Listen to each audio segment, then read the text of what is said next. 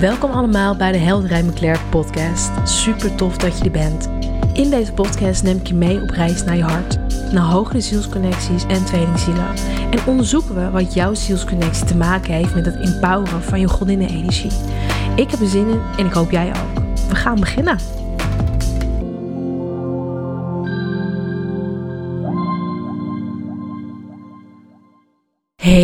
Welkom terug op de channel Helderheid McClaire. Super tof dat je er weer bent.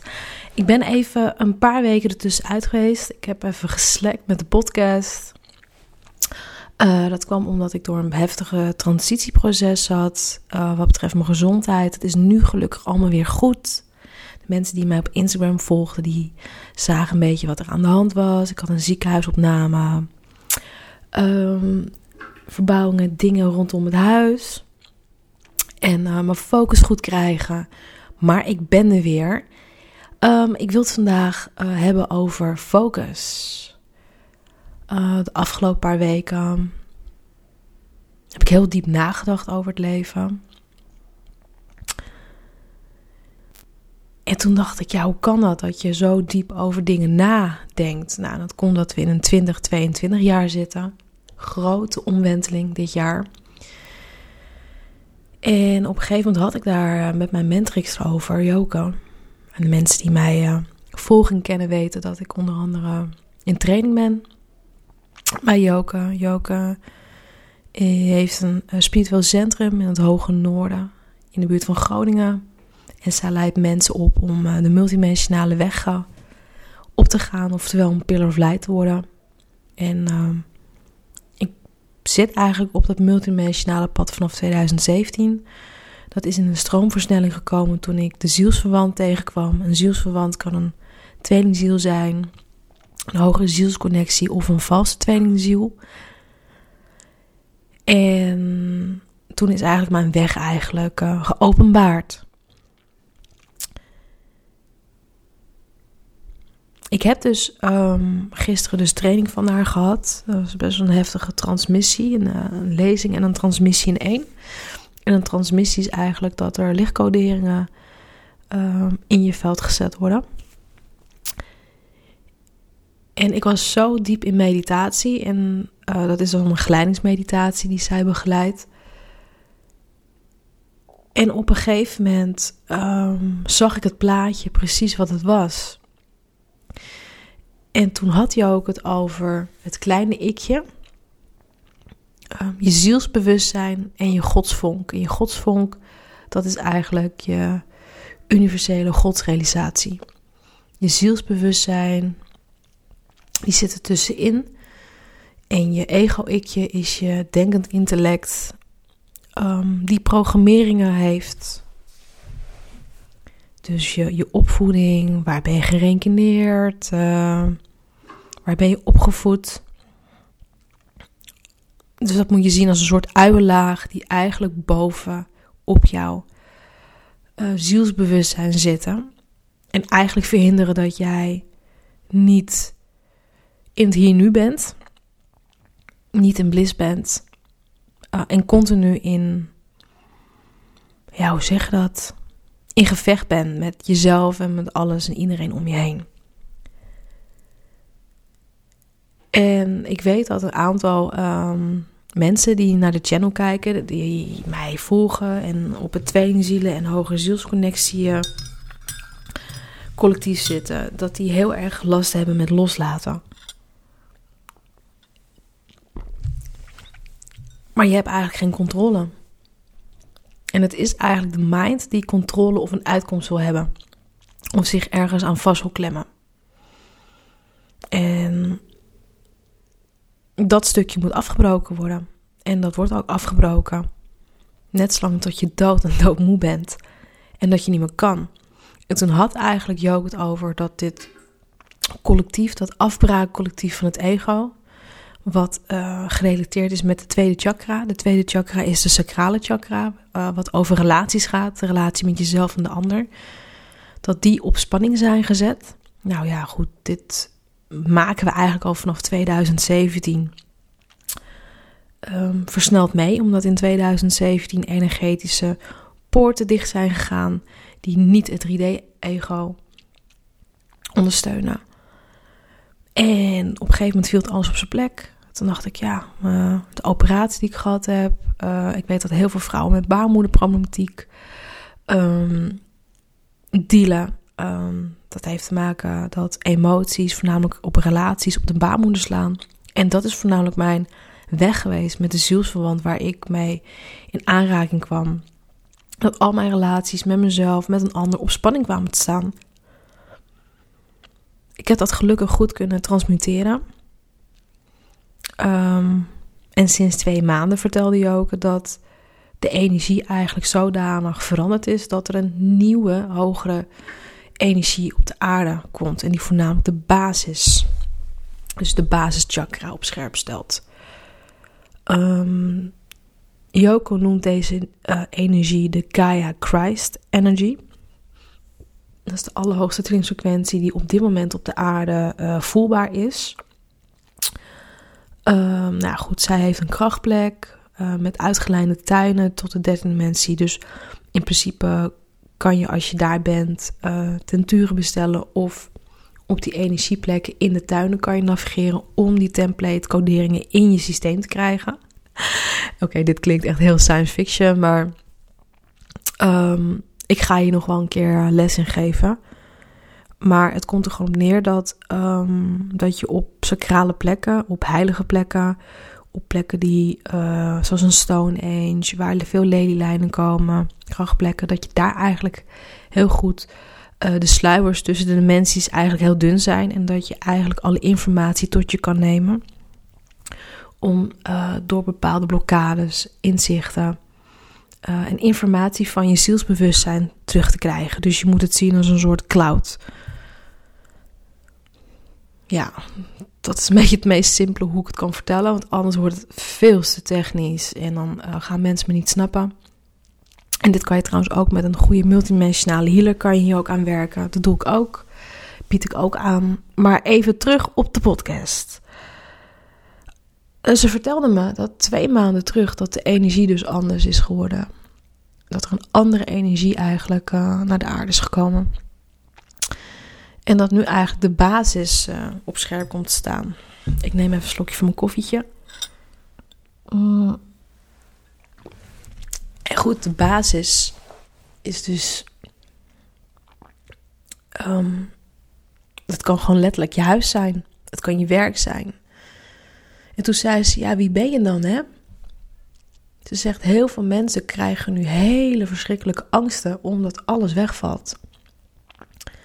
Nou, en de, de, mensen onder ons die in een ware tweelingzielenproces zitten, op het moment dat je de tweelingziel ontmoet, dan beginnen dingen ook uit elkaar weg te vallen. Je weet op een gegeven moment niet meer wie je bent. Je bent je. Ja, je weet wel wie je bent. Je hebt jezelf wel teruggevonden, maar degene wie jij bent past eigenlijk niet in een plaatje van waar jij onderdeel van was en met wie je was en wat je altijd gewend was. Ja. Dat mensen zeggen, ja, ik heb mijn tweelingziel ontmoet en hij is geweldig, maar ik kan niet met hem. Ik ben zo anders en hoe moet ik dat laten werken? En nou goed, dat afbraakproces hebben veel mensen van ons uh, al meegemaakt. Maar dit afbraakproces gaat nu uh, in de wereld starten. Nou goed, we hebben die oorlog van Oekraïne. Heel veel dualiteit is er nu, daar sprak ze ook over. En toen zei ze, het is de kunst dat je neutraal staat. Want dan ben je eigenlijk niet te vangen. Dus op het moment dat je naar links of naar rechts buigt, dan komen de haakjes en dan word je meegesleurd. Maar ja, het is heel moeilijk om neutraal te zijn als je niet weet wat neutrale energieën zijn. We hebben overal mening over. En heel vaak denken we dat die mening op zichzelf staat. Maar is niks anders dan een verzameling van affirmaties, um, programmeringen, uh, gedachtegangen. Die waarschijnlijk niet eens van jou zijn, maar die waarschijnlijk ingeprogrammeerd zijn toen jij nog een heel klein, onschuldig kindje was. Nou goed, en die transmissies zijn vrij zwaar, want uh, allerlei karmatische delen worden uh, vrijgegeven. losgelaten, ook uit vorige levens. Ligt net aan wat er voor jou opgeschoven mag worden. Dus het is niet zo omdat je in zo'n transmissie zit met een groep dat je allemaal hetzelfde programma erop krijgt. Uh, Integendeel. En toen werd het me eigenlijk duidelijk van wat een verschrikkelijk hardnekkig softwareprogramma het ego is. En heel vaak wat wij denken dat dat niet zo is. En toen zei je ook op een gegeven moment, maar het gaat om voelen.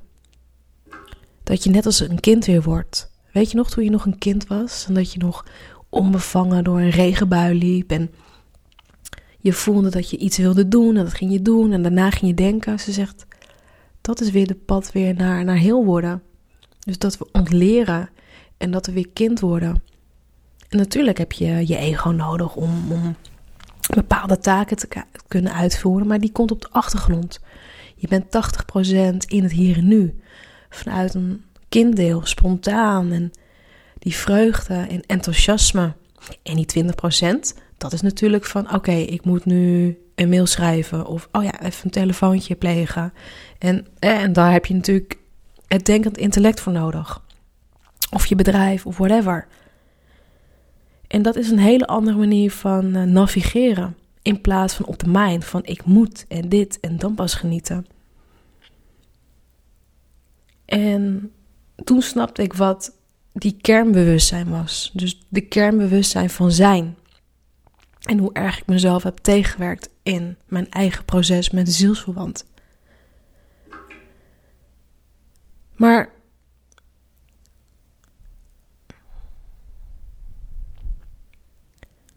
ik weet nog heel goed dat ik klein was, nog een kind, en dat ik um, onrechtvaardigheid zag. En dat ik toen. Dus onrechtvaardig dat dingen iets niet klopten en dat ik dat aankaartte.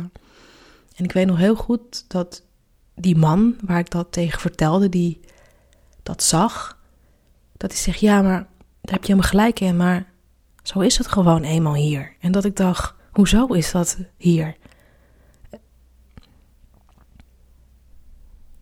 En dat was dus de rebel in mij. Moet je nagaan, ben je zes, zeven jaar en dan merk je al um, onrechtvaardigheid op. Joke had het over dat de conditioneringen van mensen zo verschrikkelijk zwaar zijn. Dat het me wel duidelijk werd, ja, en ik word een beetje emotioneel van. Dat heel veel mensen het niet gaan halen. Kijk, die energieën die nu op de aarde komen, vragen heel veel van je. En als mensen hun huizen kwijtraken, dat zei ze ook, het ene bedrijf blijft bestaan, het andere gaat ten onder. Het ene huwelijk gaat kapot en de andere krijgt een doorstart. En de ene keer heb je een heel verrot leven en in één keer gaat het supergoed. En zo zijn de getijden. Sommige mensen kiezen voor de blauwe pil, sommige mensen kiezen voor de rode pil. Maar hoe je het went of keert, het zal 51% rechts of links zijn. En dan kan je denken, Claire, je zegt net dat dualiteit, dat dat niet oké is. Maar de huidige energie van de Sakina vraagt of je 51% service to self bent of 51% service to others. Ga je vanuit je hart leven of vanuit je hoofd? En op een gegeven moment had ik het hele plaatje, kreeg ik door. Dat ik denk, ja, ik ben niet dus. Dat vond ik heel erg. Mijn hele leven wist ik dit. Ik wist dit vanuit het diepste van mijn hart. Dat alles wat ik van de kern wist, dat dat waar was. En dat ik niet gek ben. En dat er meerdere mensen zoals mij zijn. Um, ik weet niet of mensen van jullie ook het boek van Christina kennen. Dat meisje uit Oostenrijk die super hoog uitgelijnd is. Ik, ik had haar boek in mijn handen van de week. Ik las erin. Ik moest gewoon huilen. Dat ik denk, zie je, ik wist dit. Alles wat ze schreef, wist ik. Wist ik al.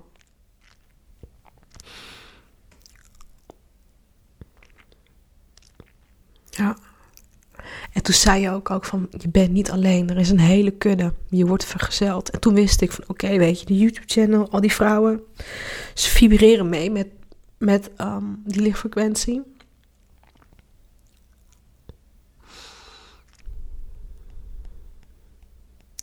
Spreken, handelen en zijn. Dus dat je spreken, je handelen en zijn in overeenstemming zijn met je hart. Op het moment dat er zelfzuchtigheid, eigen belang erin zit, dan ben je niet meer in die lichtkracht. Ja. En toen snapte ik ook van, het is allemaal leuk, weet je wel, dat je al die vrouwen helpt. Maar mijn dochtertje Juna, die is zo hooggevoelig, zo hoog uitgelijnd.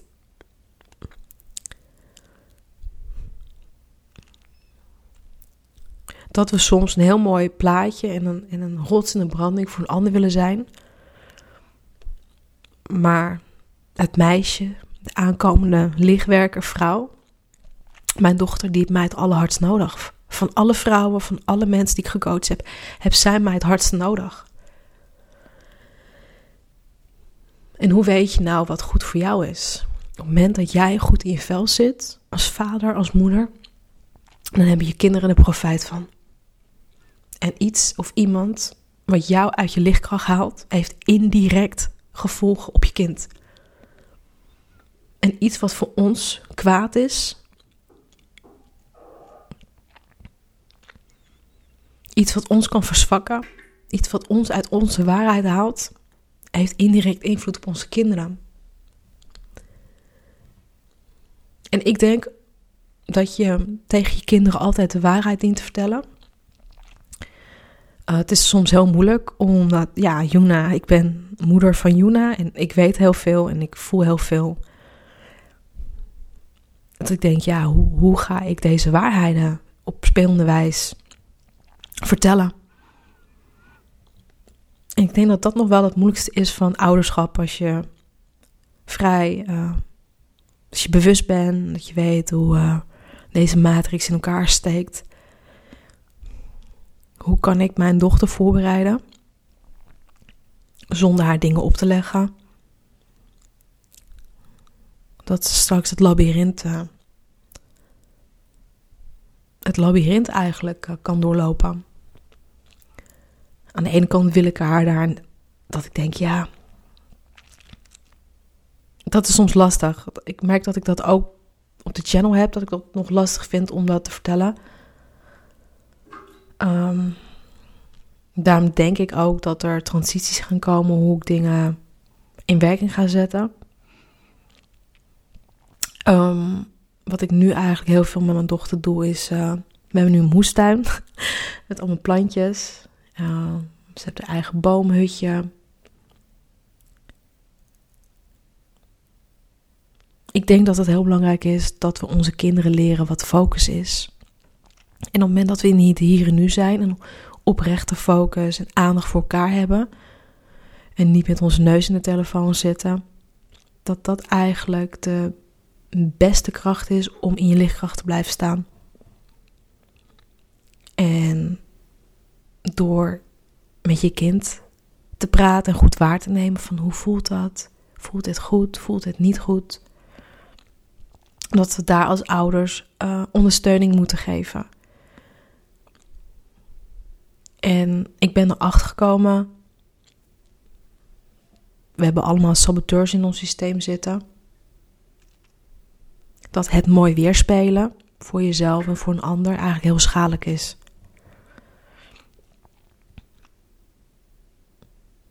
En dat was wat mooi van de transmissie en ook waar ik mee af wil sluiten. En ook met je focus. Alles mag er zijn.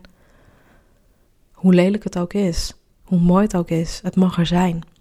En op het moment dat we er geen oordeel meer over hebben. En dat we het accepteren. Dan stroomt het. En transmitteert het uiteindelijk toch wel naar het goede. Ja.